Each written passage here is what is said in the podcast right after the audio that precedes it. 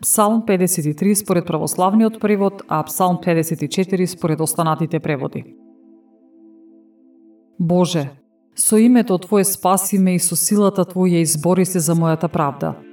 Боже, услиши ја молитвата моја, чуј ги зборовите од устата моја. Зашто дрски луѓе се кренаа против мене и насилници го бараат животот мој. Тие не мислат на Бога. Ете, Бог ми помага, Господ е заштитник на животот мој. На непријателите мои тој ќе им врати за злото, ќе ги истреби со вистината своја.